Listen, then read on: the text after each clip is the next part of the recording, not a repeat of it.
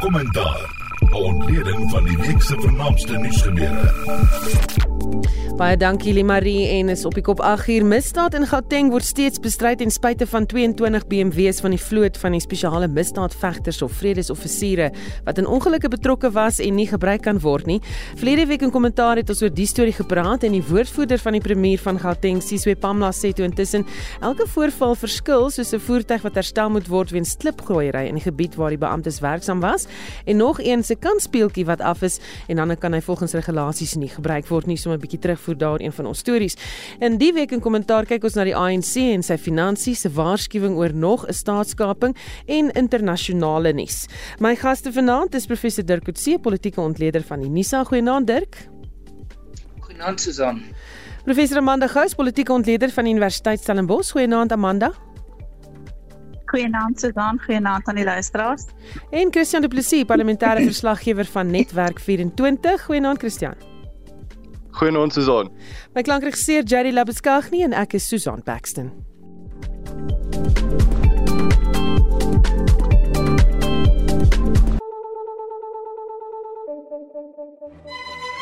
In 10 Desember se dis opera. Luister ons onder andere na items uit Manon Lescaut van Puccini, Andrea Chenier van Giordano, Carmen van Bizet, Romeo en Juliet van Gounod en die Barbier van Sevilla van Rossini. Van die sangers wat gehoor kan word is Sonja Joncheva, Jonas Kaufmann, Anna Trepko, Luciano Pavarotti en nuwe stemme Nadine Sierra en Johannes Kamler. Dis opera Sondag aand om 10:09 saam met my, Shaal van Heiningen.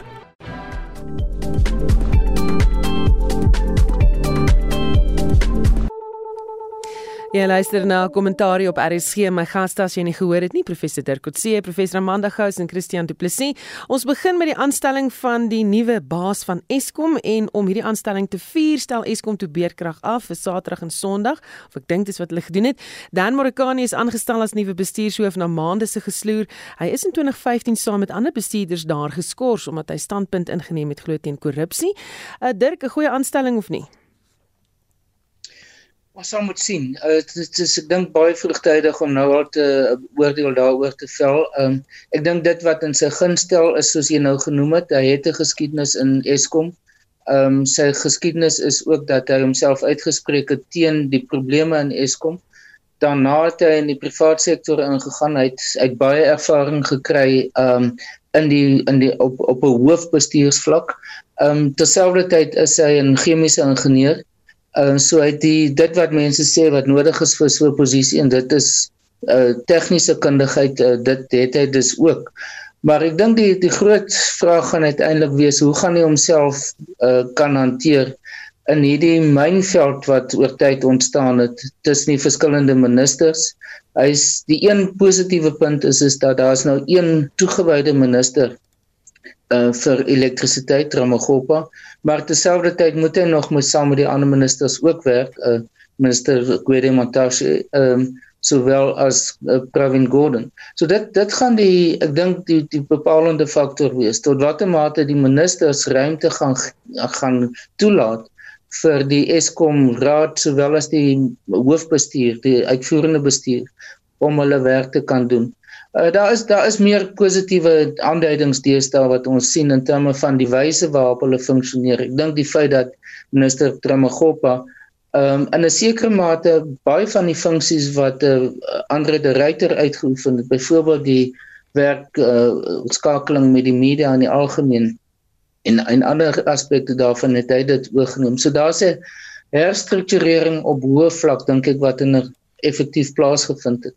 Um en dit gaan miskien vir hom makliker maak om daar binne te kan funksioneer. Maar die groot toets gaan wees is hoe gaan hy funksioneer? Nie waar hy op hierdie stadium staan as hy inkom in die uh, in hierdie pos nie. Hmm. Amanda, as mens kyk na sy geskiedenis daar, baie interessant hoe hy daar weg is. Ja, ehm um, dit die rede hoekom hy weg is is oor dat hy uh homself uitgespreek het teen wanbestuur ehm um, en daai hele ehm um, raad is op die ou einde almal uh geskort en hy het toe besluit om te bedank maar hy het wel 'n uh, 'n uh, goue handdruk gekry van 6.2 miljoen. Um ek stem saam met Dirk dat die feit dat hy wel 'n trek rekord in Eskom het is tot sy voordeel. En hy het um was van hoofbestuur van Tongaat Juliet gewees um tot onlangs. Uh, ook ook een van van die maatskappye wat werklik op die oomblik groot probleme ondervind en hy het dit reg gekry om die uh strategieë te implementeer om hierdie probleme van Tonga Juliet um om te draai.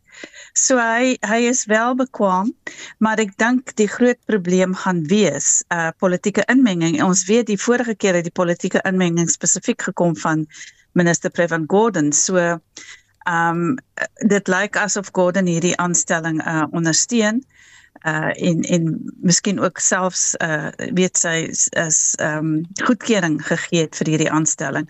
Maar politieke inmenging bly politieke inmenging en ehm um, omdat daar drie ministers is, dink ek dit is 'n mynveld en as daar nog steeds sabotasie by Eskom aangaan, ehm um, dink ek dit gaan baie moeilik wees. Uh, hy gaan dieselfde probleme ondervind as wat ryter ondervind het. Hmm. Christian, wat gaan hy eers moet doen? Yes, ek dink dis 'n 'n moeilike uh, ding. In die eerste plek uh, wonder ek uh, hoe lank gaan hy hou want ons vorige uitvoerende hoofde van Eskom het nie baie lank gehou nie. Ons praat omtrent van 10 in die afgelope dekade. So dit is nie 'n baie maklike werk of is glad nie 'n maklike werkie en ek dink ehm um, soos ehm um, die ander panelede gesê gesê het is tot dalk rede tot optimisme weens sy kundigheid en ehm um, ons sal nou maar moet kyk of hy die of hy die werk kan doen want op die einde van die dag um is dit moeilik om te voorspel ons almal hoop maar uh, hy hy gaan dinge omkeer daar by Eskom. Ek dink dit is nou ook 'n verkiesingsjaar so die ANC sal natuurlik um hulle steen agter hom wil ingooi want hulle wil nie by die by die stembus seer kry as gevolg van beerdkrag nie.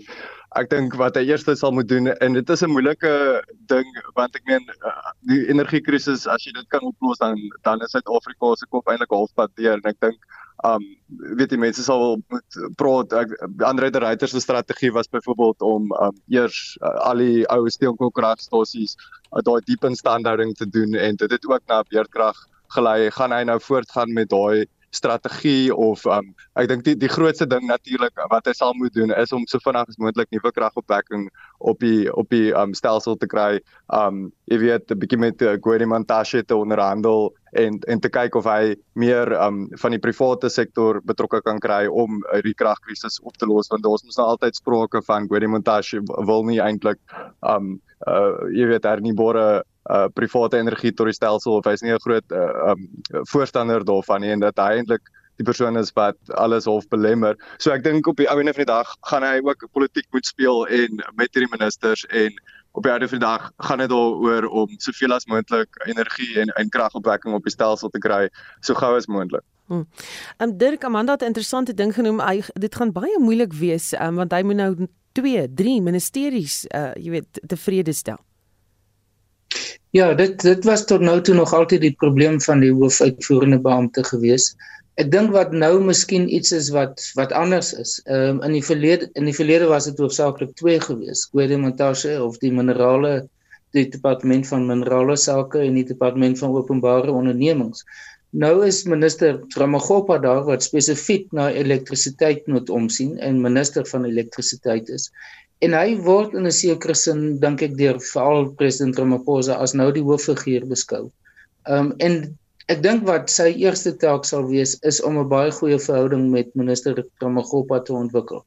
Um en Ramaphosa is die een wat ek vermoed uiteindelik die ander twee ministers sal moet hanteer namens Eskom uh, dat dit nie die hoofuitvoerende beampte is nie. En ek ek dink dis wat ek vroeër nou gesê het is het in die tussentyd begin plaasvind is is dat Ramagopa het in 'n groot mate baie van die funksies, veral die openbare funksies van ehm um, die uh, CEO, die hoofuitvoerende beampte het hy oorgeneem.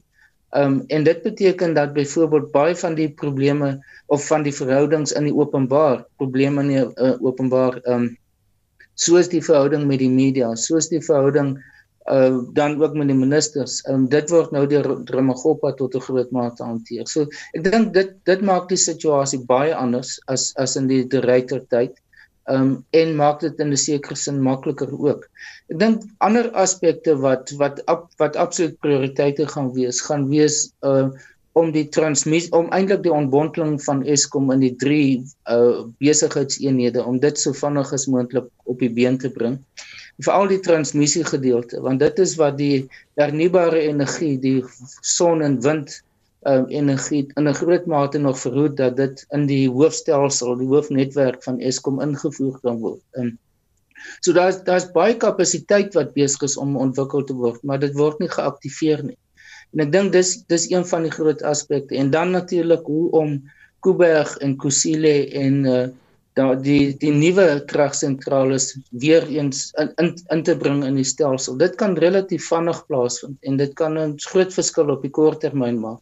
So ek dink dit dit is aspekte wat uh, te maak het of waar Eskom 'n 'n belangrike rol kan speel.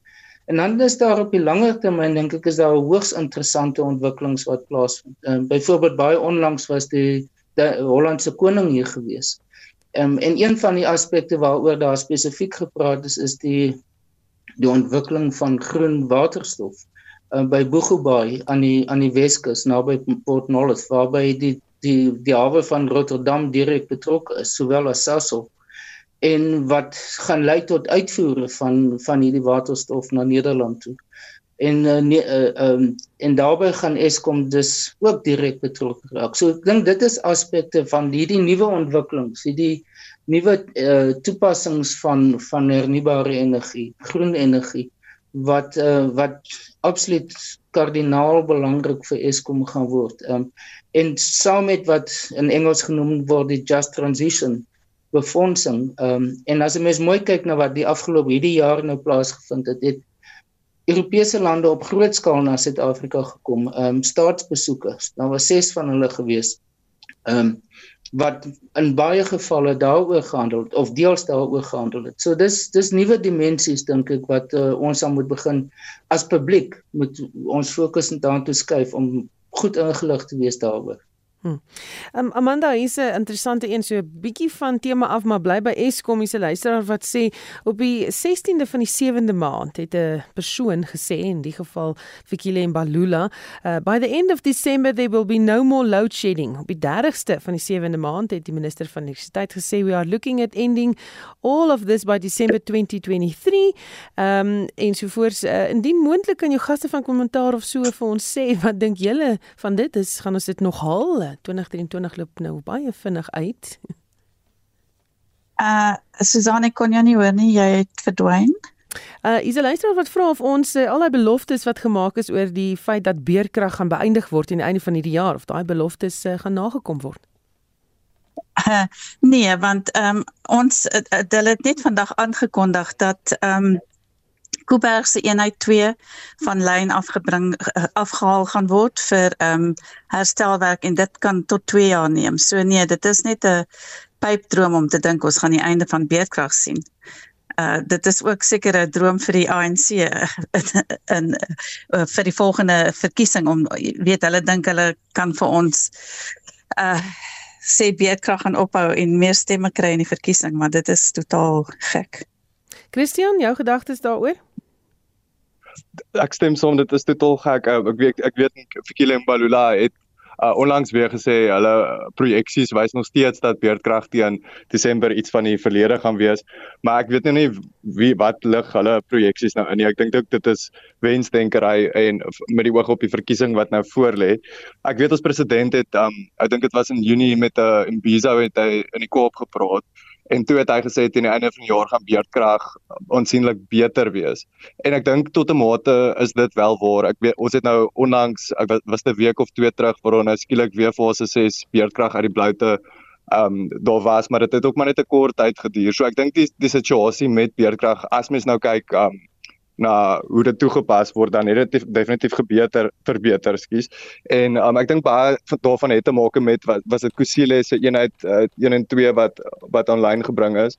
So uh, ja ek dink die situasie het verbeter maar of beerdkrag teen die einde van die jaar gaan wees verby sal wees is waarskynlik gaan nie gebeur nie dit gaan ook nie voor die verkiesing gebeur nie. So die ANC sal maar, maar moet planne maak om te kyk hoe hulle dit aan die kiesers sal verkoop. Hm. In nog 'n storie die afgelope naweek professor Somadonna Fekeni sê dat korrupsie Suid-Afrika se grootste uitdaging is. Hy het gepraat in Pretoria by Unisa se jaarlikse teen-korrupsie dagvieringe. Dirk, um, hy het vergelyking vergelykings getref tussen Mandela se stryd teen apartheid en die stryd teen korrupsie. Kan mens dit so vergelyk? Ek dink die die een punt wat ons nie moet doen nie is is om te dit gelyk te stel aan mekaar. Ek meen dit is van selfsprekend nie dieselfde of vergelykbaar met mekaar nie.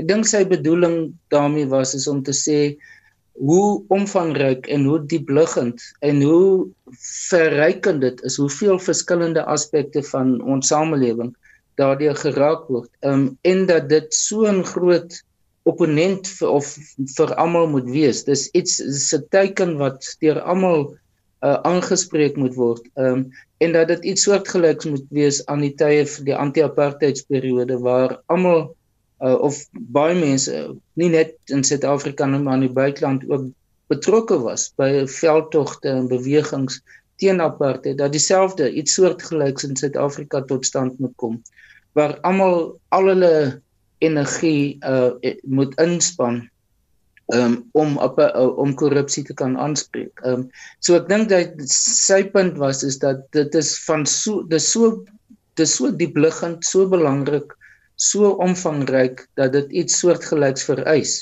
um wat uh, om om uiteindelik daarvan ontslae te raak. So ek, ek dink dit dit is primêr wat hy in gedagte gehad het dan. Hm. En uh, dan Amanda het uh, ook gesê jy weet dat uh, mense gaan baie baie sterk moet optree. Suid-Afrikaners gaan hierdie korrupsie met soveel mag moet beveg. Is baie sterk woorde van hom af.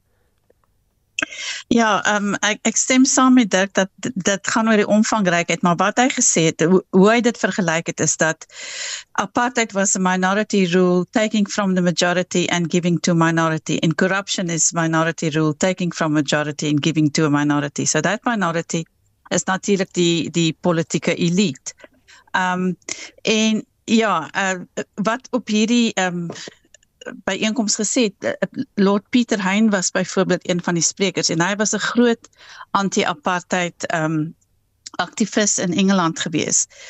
Uh dat dat dit 'n absolute uh, poging moet wees van van almal. Ons sal almal moet 'n bydrae maak en spesifiek die openbare sektor, die private sektor, maar ook gemeenskappe om ehm um, korrupsie hok te slaan en Ehm um, ek dink net wat wat ook uh, weet uitstaan is die feit dat ons 'n miljard rand spandeer het op die sondekommissie se werk en dat daai aanbevelings daar voete word gesleep daar's geen politieke wil om daai aanbevelings te implementeer nie. So ek dink waar die fokus moet wees en waar dit moet begin is hoekom die regering nie hierdie ehm um, uh aanbevelings wil wil implementeer nie. En primêr het dit te doen met weer eens met die die poging om eenheid in die ANC te hou eerder as om mense aan te spreek en verantwoordelik te hou vir korrupsie. Hmm. Christian, adjunk president Paul Mashatile het die hoofrede gelewer en ook gesê die regering kan nie alleen korrupsie bestry nie. Interessante opmerking van sy kant af. Um ja, dis vir my onduidelik wat hy daarmee bedoel, maar miskien um skort die regering of die ANC dalk bietjie steun van buite uh, die party ons het al gesien dat um, wanneer daar gepraat word oor eenheid in die in die party is dit maar uh, 'n uh, kwessie wat moeilik is vir hulle om te bestuur maar dikwels gebeur dit dat wanneer daar verskriklik baie druk is van buite die ANC dan um, word daar opgetree wel teen um korrupsie tot 'n mate. So dit um dit is dalk wat hy daarmee bedoel het. Um ek dink tog om om druk te plaas van buite uh, het het het baie keer uh, die gewenste uitwerking. Ek ek stem saam met Prof Gous daarso waar sy praat van die sondekommissie se aanbevelings. Want op die einde van die dag kan jy nou druk plaas en um ek dit het met in die COVID tyd ook gebeur waar waarom met die COVID korrupsie byvoorbeeld um met die burgerlike samelewing uh, was verskriklik verontwaardig geweest en um daar was daar was nogal kwai standpunt ingeneem op die ou van die dag. Um wat is nou daardeur bereik? So ek dink mense moet dalk fokus op op die sondekommissie se aanbevelings want dit is strukturele waarvan goed is um vervolgings wat wat natuurlik um mense sal afskrik om weer korrupsie te pleeg en in die tweede plek is dit strukturele aanbevelings wat gemaak word um wat as dit toegepas word dit dalk moeiliker sal maak om of beslis moeiliker sal maak om korrupsie te pleeg. Hm. Dan Roger Jardine, gesoute sakeman en glo moontlike DA presidentskandidaat staan nou glo op die punt of het vas op die punt daarvan om sy eie politieke party te stig. Hy het dit toe gedoen vanmiddag aangekondig. Hy het kort gelede gepraat oor sy toekoms en hy het uh, gepraat oor presies wie agter Suid-Afrika se probleme sit. Kom ons hoor gou wat hy gesê het. We also know that the crisis of this country is not of civil society's making. This crisis is not caused by the media. It's not caused by the judiciary.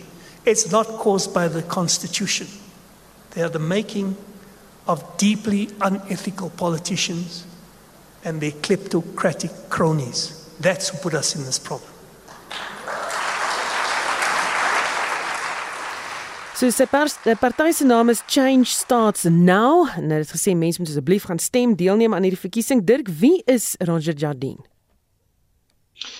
Ja, is 'n interessante persoon wat 'n 'n kombinasie van 'n uh, uh, ervaring het. Um hy was uh die direkteur-generaal ge, uh, gewees van uh kuns en kultuur.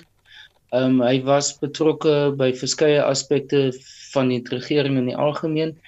Um en hy het nou soos jy genoem het, hy het in die in die besigheidswêreld ingegaan. Um sy pa was 'n baie sentrale figuur in die United Democratic Front in die 19 uh, in die 1980s. Ehm um, so hy hy het 'n baie goeie agtergrond van verskillende aspekte uh van eerstens die ANC uh en die aan die politieke kant ook sowel as hoe die regering funksioneer. So hy in in daardie sin dink ek is hy kan hy geag word as 'n uh, as nie 'n polit, politieke buitestander nie. Hy is nie iemand wat van buite af kom nie, maar hy's hy's net soos Mavus uh, Mavuso Msimang of tot mate nog nie soveel nie, maar as hy 'n uh, soos al Engels sê 'n insider in die ANC. En ek dink dit maak dit belangrik dit wat wat nou besig is om plaas te vind dat hy mense nou begin mobiliseer.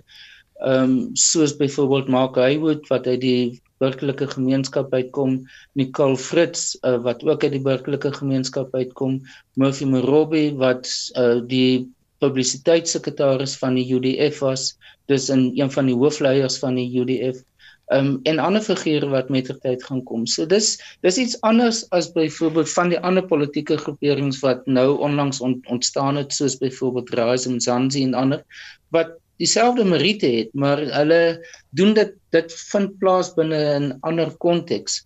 Um en ek dink dit wat wat vandag gebeur het um is vir die ANC saam met die bedanking van Mavuso Nsimang vroeër hierdie week is 'n absolute terugslag.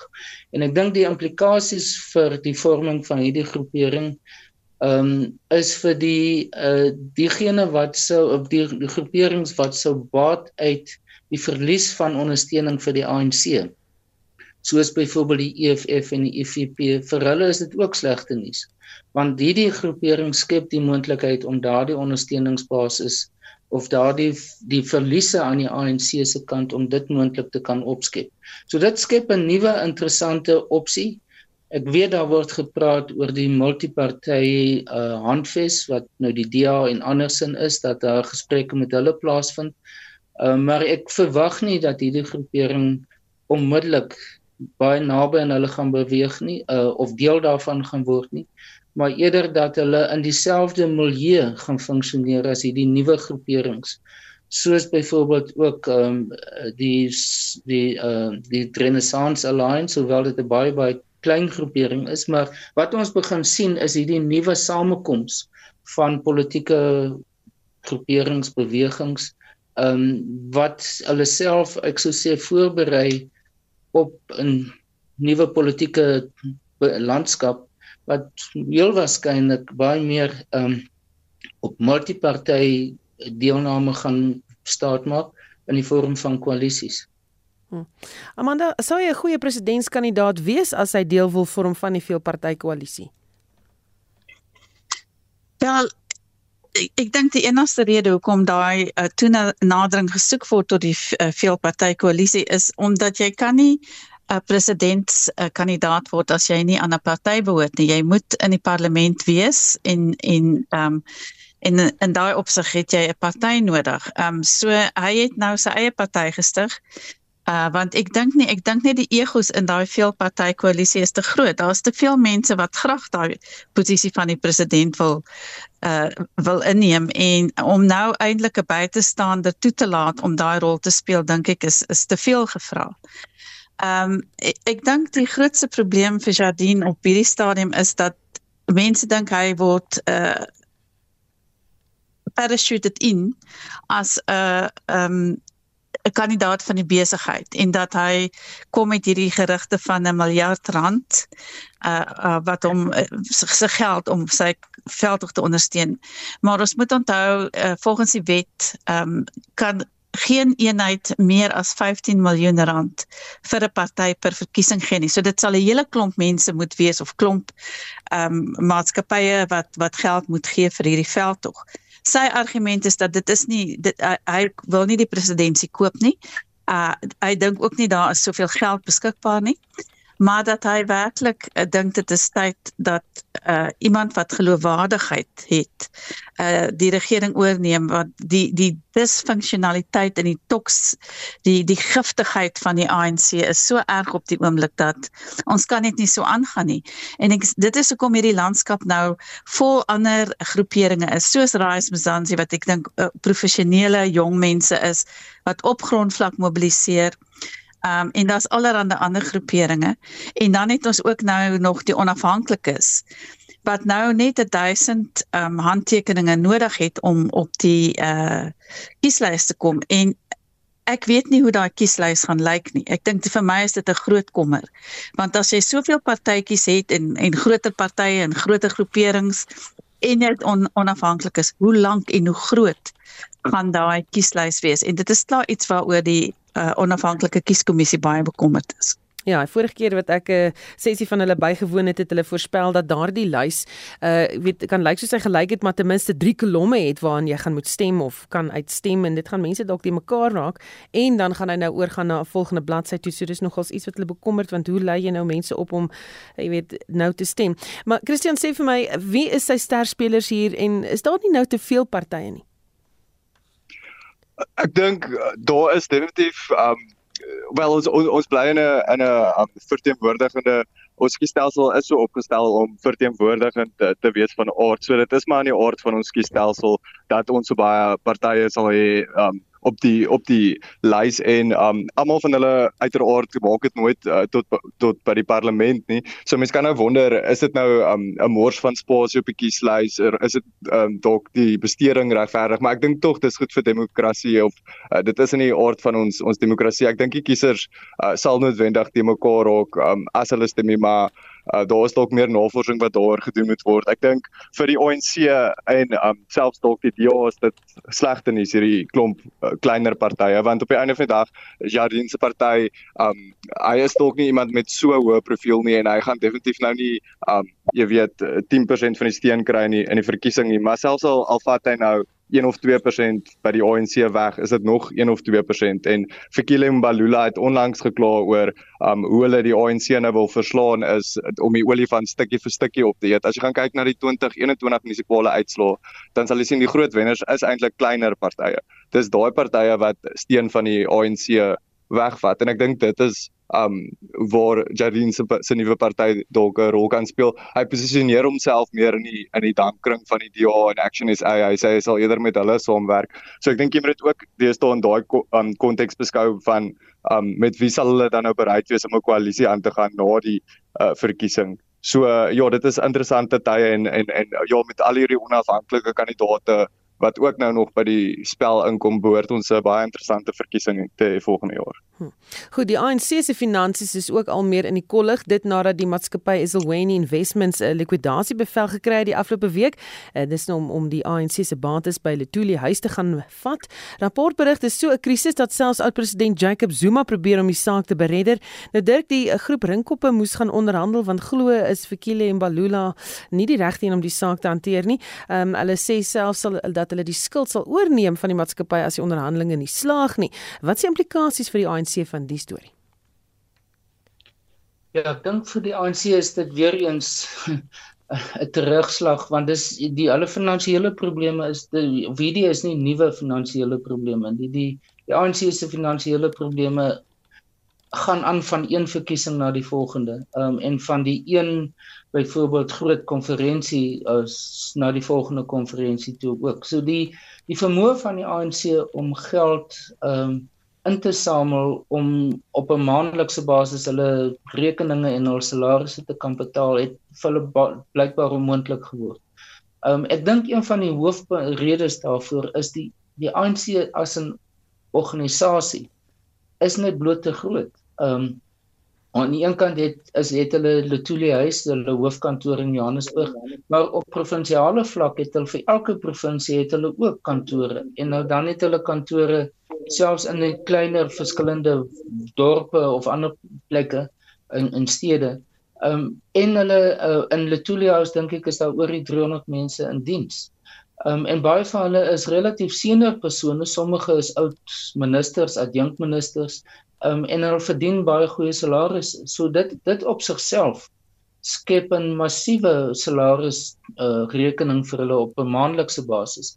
En as 'n mens teruggaan na jy gehoor oor oor jare al dat mense soos Tokyo se Gwale en selfs Ramaphosa self op by tye uh, van daardie rekeninge moes betaal. Um wat hulle ook in die verlede dikwels gedoen het en wat dit nie meer maklik is om te doen nie en dis deels as gevolg van die werking nou van hierdie uh, parlementêre wetgewing oor uh, privaat befondsing van politieke partye. Um is dat hulle in die verlede bloot besighede kon skakel en sê wel ons ons het 'n rekening, help ons asseblief om dit te betaal. Um daardie dinamika het nou verander. Um en dit wat dit het vir al die partye verander. Maar wat ek dink die as 'n mens dit tot 'n uh, slotsom moet bring is dit te sê dat die dat daar net nie meer dieselfde aptyd is om vir die ANC vanaf die openbare van privaat sektor uh besighede veral vir hulle vir hulle om die ANC finansiëel te ondersteun. Um en dis 'n deel van die teken van die agteruitgang van die ANC. Saam daarmee soos ek sê, al heeltemal lomp groot geword. Um en een van die wat hulle sal moet doen is om die om die organisasie die die um, die men, mense in diens radikaal af te skakel. Hm. Amanda gaan die maatskappy die ANC sink. Uh Susan het verdwyn. Gaan hierdie maatskappy die ANC sink? Amanda, as jy daar? Ek is daar, maar kan jy nie hoor nie. Kan jy my nou hoor? Wat ja. ek, goed, gaan hierdie maatskappy die ANC sink? Nee.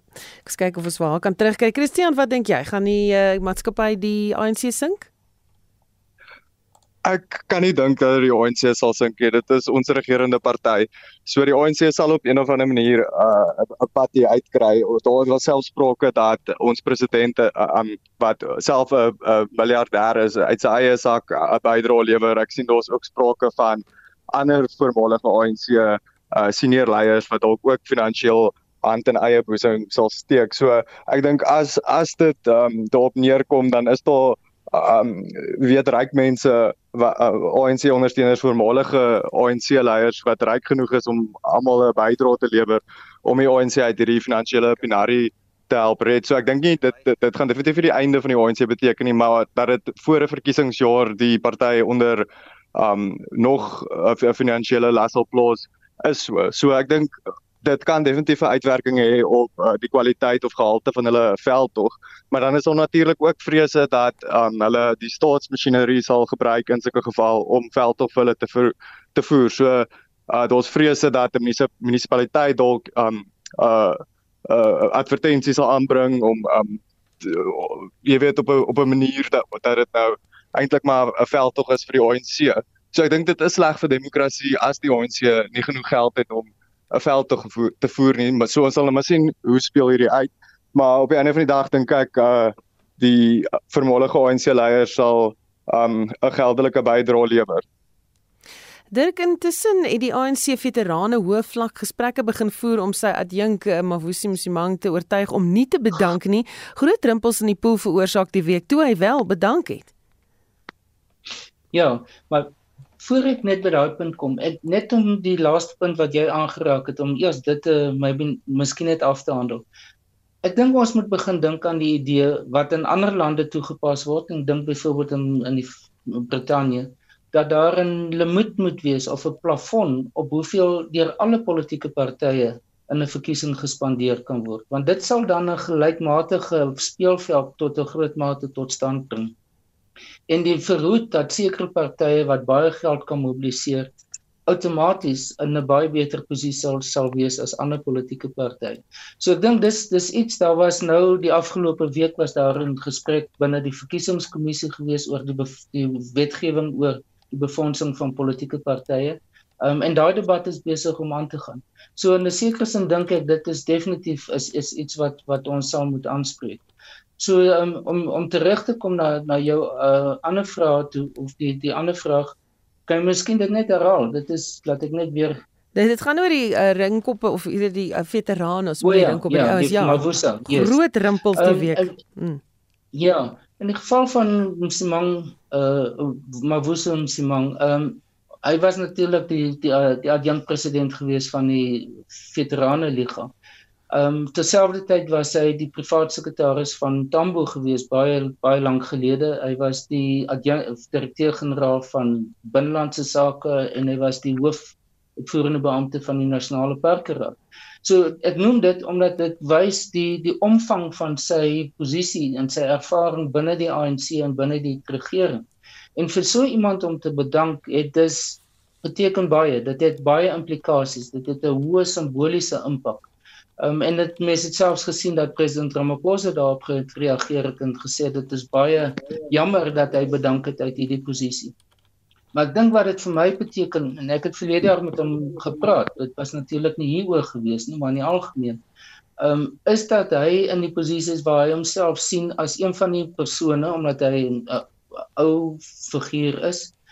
Um, as een wat daar uh, eintlik fokus op om die om die morele stand, die morele rigting, die morele kompas van die ANC te probeer in stand hou, om die integriteit van die ANC te probeer uh red.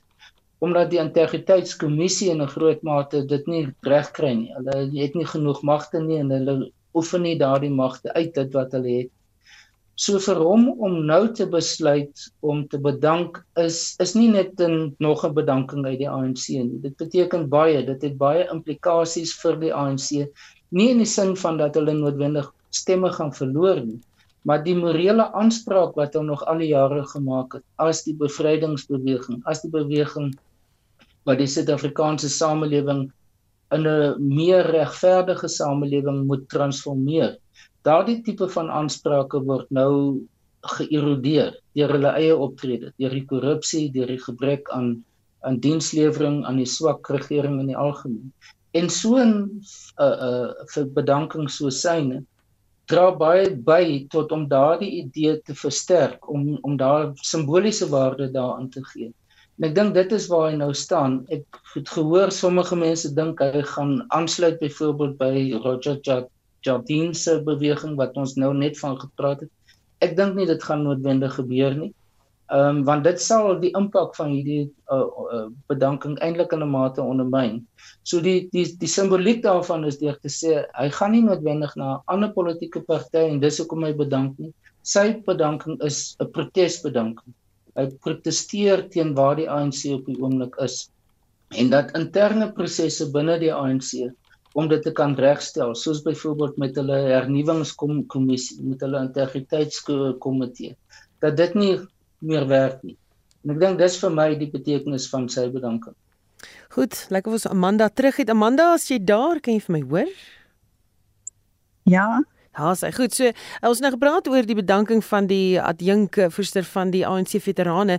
Dink jy hy sal sy besluit heroorweeg? Daar is dan nou met hom vandag vergader daaroor. Ja, ek het uh, in die koerant gesê dat ehm um, ah, baie van die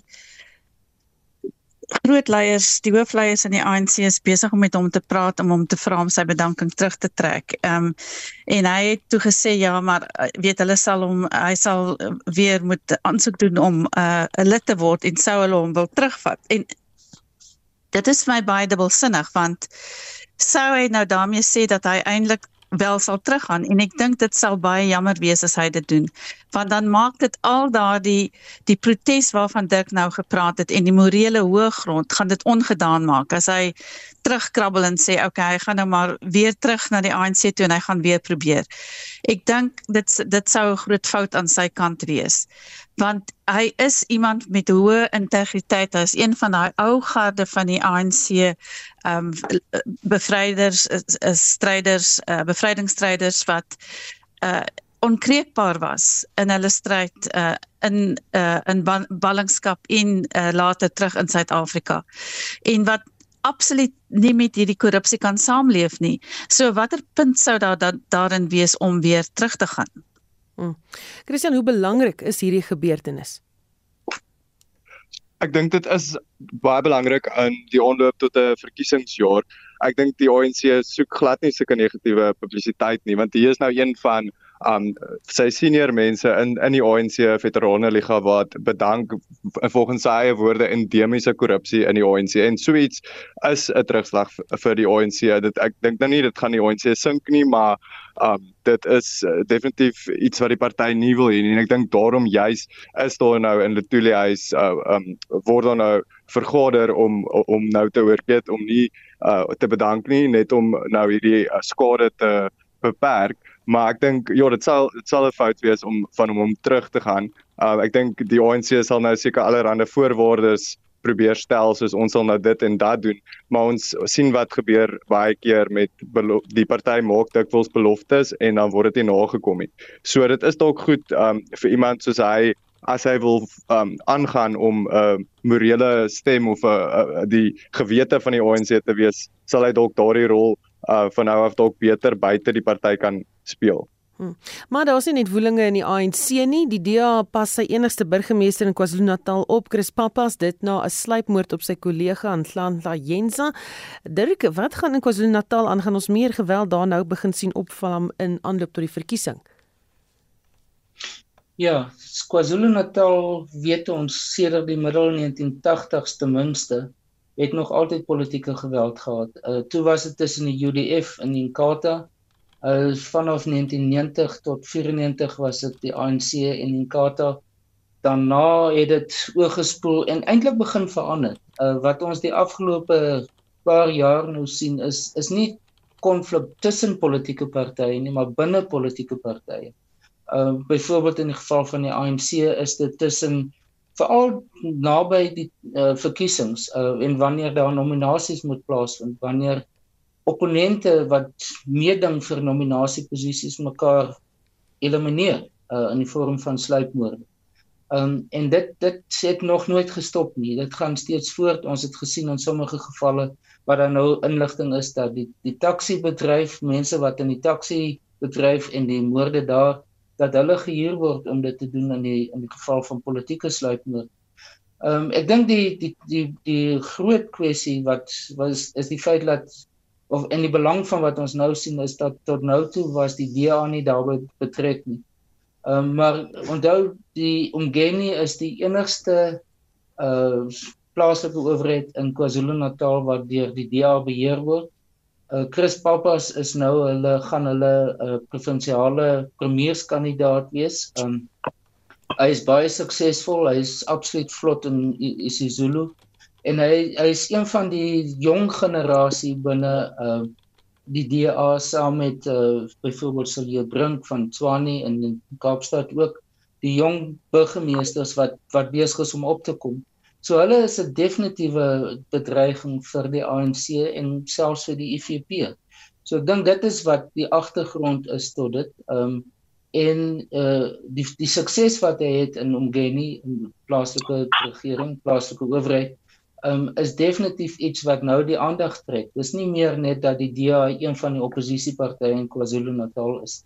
En met volgende jaar se verkiesing waar daar baie gepraat word oor die moontlikheid dat die ANC se meerderheid in KwaZulu-Natal gaan verloor en dat daar uh waar daar's reeds 'n samewerkingsooreenkoms op die oomblik tussen uh Inkatha en die DA in in KwaZulu-Natal op plaaslike vlak um, dat dit kan uitbrei na die provinsiale vlak. Dit alles is besig om die die politieke temperatuur op te stoot. Um en saam daarmee dis ook die moontlikheid van geweld.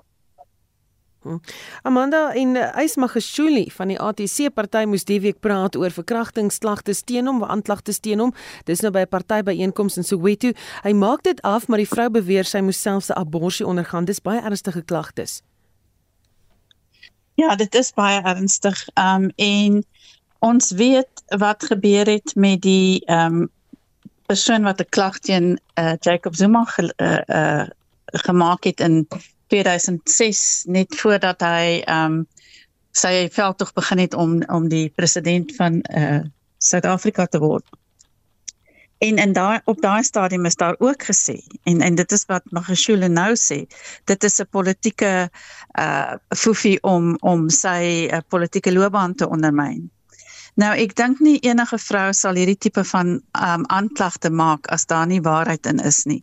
En Magashule is nie iemand met 'n 'n skoon rekord nie. Hy hy is uit die ANC uit oor oor allerlei ongeruimthede. So hoekom sou hy enigsins nie ook in in in sy verhoudings met vroue um ongeruimthede hê nie. Uh die dit was 'n um quid pro quo tipe situasie waar waar sy haar uh, akkommodasie betaal het as 'n student en sy hom dan uh, met seks moes beloon het en op 'n in 'n stadium met sy dan swanger geraak. Nou soos dit gaan met hierdie tipe van klagtes is dit altyd hy sê sy sê en en daar is gewoonlik nie getuies nie.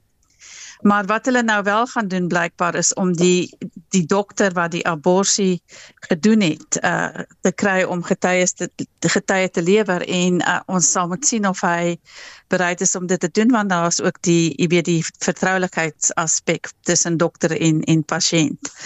Um maar maar ek ek dink uh, dit is wel uh, die die feit dat sy die klag gelê het is in die 16 dae van geen geweld uh, teen vroue nie is belangrik. En ek en ek dink ook dat dit um da, dapper is van haar. En ek dink dat dit werklik ook uh, vir Ysmagashule uh baie sleg te staan gaan kom uh al al al ontken hy hierdie hierdie klagte. Hm. Goed, alles ook nie heeltemal pleis in die Vryheidsfront plus nie, dit na die Gautengse provinsiale verkiesing. Christian, wat gaan daaraan? So lyk like my ons nou redelik onmin daar uh, met hierdie verkiesing gewees. Uh Philip van Staden, hy's nou uh, as die voorsitter en dan is uh, Kobus Hofman onder meer as een van die onderleiers verkies. Um hierdie onmin gaan nou oor Jaco Mulder, hy's die voormalige 5+ uh, leier daar in in in Gauteng. Volgens hom het uh, Hofman nou se lidmaatskap is um onttrek en hy het nou ure voordat die verkiesing nou sou plaasvind met um met uh, Hofman nou meegedeel dat hy is dat hy nou nie meer lid is van die VF+ nie maar die verkiesing het nou ondanks dit voortgegaan. En um to, selfs die uitslae is toe op Facebook um gepost en uh so weens hierdie um, um, beweringe van um dat uh, hy nou nie kon verkiesbaar gewees het nie omdat hy nou nie meer lid is nie, het uh, die VF+ nou besluit om 'n ondersoek van stapel te stuur en uh, Pieter Groenewald uh, die leier van die VF+ het dit nou bevestig. So ja, hulle gaan lyk like my nou um 'n interne ondersoek doen om te bepaal of daar nou enige ongeruimthede was daar. So maar dit dit klink maar uh, soos 'n uh, 'n uh, stryery tussen um uh, mense wat almal wou wou meeding vir vir leierskapsposisies. En ons gaan seker al meer hiervan sien eh, soos wat die verkiesing al nader kom, Christian. Hm. Beslis. Ek ek maar ek dink tog meeste um, partye het nou hulle eie interne leierskapsverkiesings afgehandel. Die DA het uh, die ANC ook um uiteindelik is die VF+ nogals nogals laat hiermee. So ek dink dit is dalk een van die laastes wat ons uh, sal sien voor voor die verkiesings volgende jaar. Dirk, die Sunday Times berig dat die minister van openbare ondernemings Pravin Gordhan waarsku teen nog 'n staatskaping poging. Hy sê dat dit belangrik is om mense met behoorlike kwalifikasies aan te stel, maar daar moet moet onthou word, daar's die wat steeds uh, weer staatskaping wil herleef. Ehm um, kan ons hom glo want sy geloofwaardigheid het effe knou weg met die bestuur van Eskom en SAL. Ja, dit is vir my nogal snaaks dat hy so 'n uitspraak nou maak. Ehm um, Ek dink dit is gegeewe dit wat ons nou al oor gepraat het nee, in die stand van korrupsie en die stand van die die proble interne probleme binne die regering en hulle verhouding met die openbare sektor, die private sektor. So uh, vir hom om dit nou te de, te noem die enigste rede hoekom ek dink hy kan dit noem is is dat as 'n mens teruggaan na die byvoorbeeld die na die Zuma era, die era van staatskaping, was hy een van die figure wat op 'n baie vroeë stadium homself daarteen uitgespreek het. En dink terug aan die tyd toe hy aangestel is na die Nene insidente uh weer as as minister van finansies en hy gesien is as een van die uitsonderings um in die kabinet om staatskaping te probeer teenwerk. So hy dit dit is die reputasie waarmee hy nou aangekom het wat nou sy reputasie ondermyn het is sy um geskiedenis met met Eskom die afgelope tyd. Um en met die openbare ondernemings meer in die algemeen ook Transnet byvoorbeeld ook, maar spesifiek Eskom.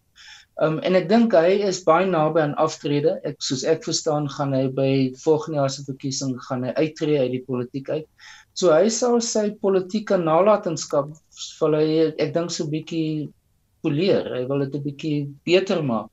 Want dit het en dit het dit het definitief verswak die afgelope tyd.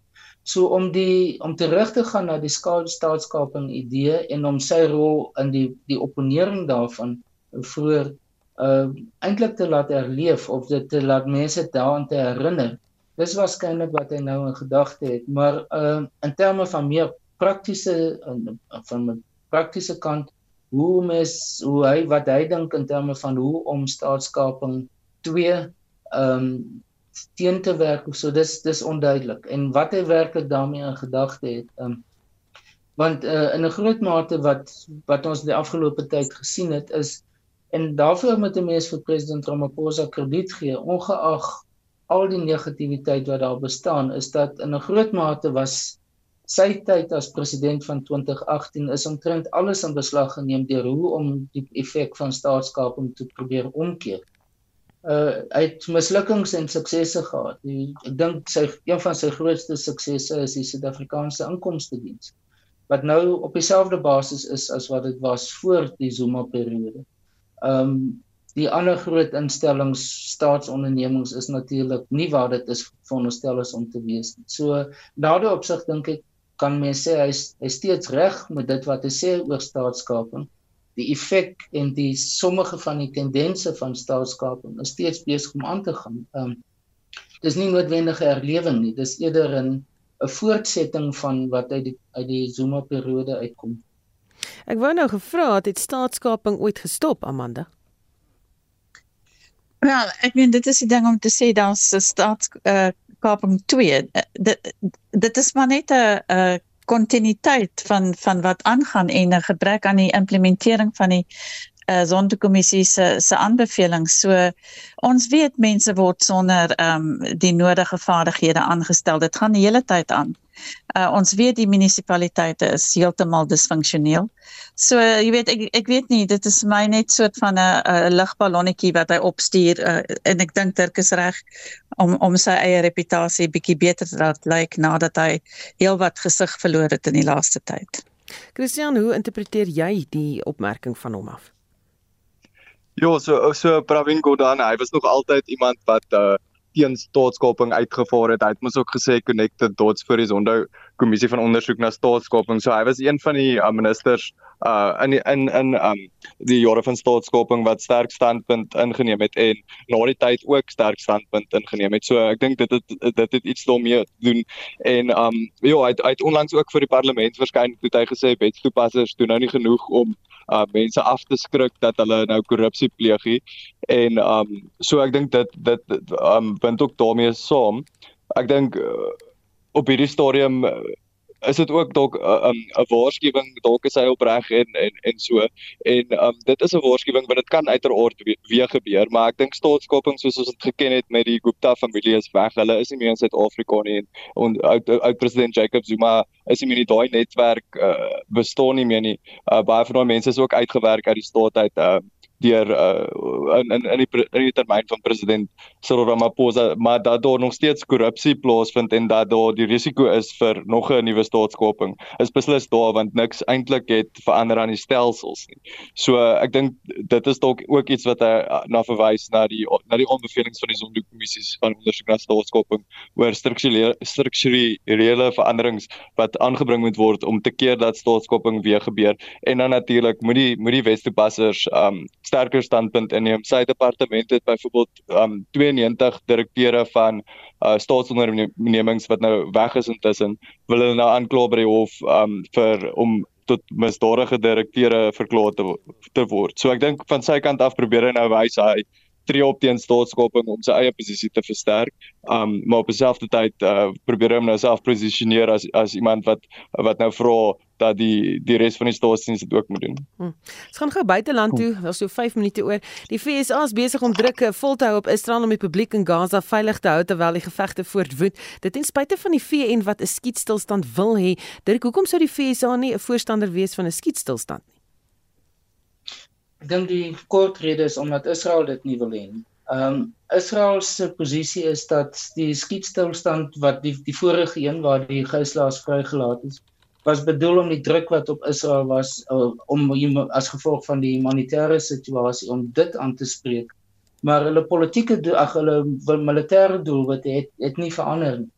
En hulle militêre doelwitte is steeds om Hamas heeltemal te elimineer in Gaza um, en dan om 'n alternatiewe gesag daar tot stand te bring wat ons nie weet nie en dit Israel sê nie presies wat hulle in gedagte het daarmee nie. Maar dit is hulle uh, uiteindelike doelwit. Um, en Israel wil nie dit opgee nie. Dit is hoekom die skietstilstand nie verleng is nie. Um, want dit was nie onmoontlik om dit te doen nie, maar ek dink die, die wat Israel voor bang was is dat hulle die militêre momentum sou verloor as die skietstilstand vir te lank toegepas word. Um en dat dit die posisie wat hulle in Gaza self militêr uh ingeneem het dat dit onder druk sou kom. So ek dink dit is dis die die kort verduideliking is dat uh Israel het nog militêre doelwitte wat hy wil bereik. Hmm. Amanda, hoekom sê die FSA so dan groot druk nou op hulle plaas om die publiek veilig te hou? Wel, die die FSA ondersteun Israel en en sonder die ehm um, sonder daardie steun kan Israel eintlik nie 'n uh, 'n baie verlengde ehm um, uh, geveg 'n baie uh, verlengde oorlog teen teen Gaza of, of voer nie. Ehm um, maar daar is soveel teenstand uh teen teen wat Israel op die oomblik doen aan die Palestynë. Ons praat hier van 18000 mense wat al dood is.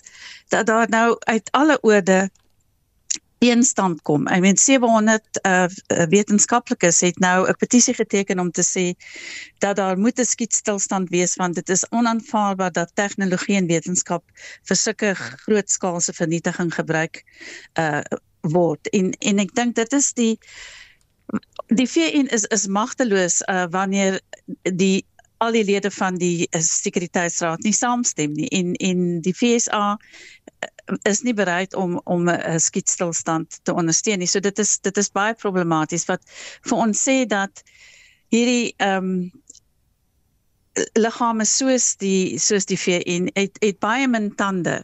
Ehm um, as veral as dit uh, internasionale wetgewing is wat wat verbreek word.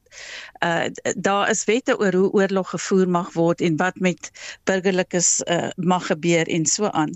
En ek dink dit is net die die feit dat dat die teenstand uh, wêreldwyd so groot is op die oomblik.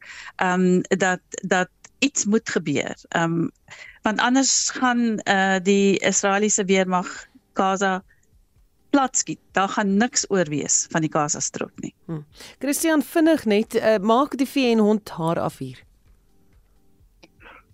Ek dink hulle sukkel om hulle self te laat geld. Um ons weet natuurlik uh, hulle het die veiligheidsraad, maar daai uh, raad um, is eintlik uh, beteken niks nie want hulle het veto magte waar uh, Rusland byvoorbeeld nou sal sê um nee um hulle kan nie dit doen nie of of of die FSA soos die VN kan nou byvoorbeeld sê Israel moet 'n skietstilstand afdwing maar dan sal Amerika dit wethou en sê nee. So ek dink uh, ja die die VN is bietjie uh, tandeloos uh, hierso uh, wat dit dan betref maar ek dink um openbare druk uh, speel speel 'n groot rol en ek dink die die openbare mening um tot 'n mate is besig om te, om te swaai in Amerika wil nie um op die einde van die dag gaan dit maar oor Amerika wat Israel ondersteun en ek dink hulle hmm. wil nie sleg lyk like, hulle posisioneer hulle yes so Ons sê ja, hier kom met die rede van ons. Hoor vir jou baie dankie.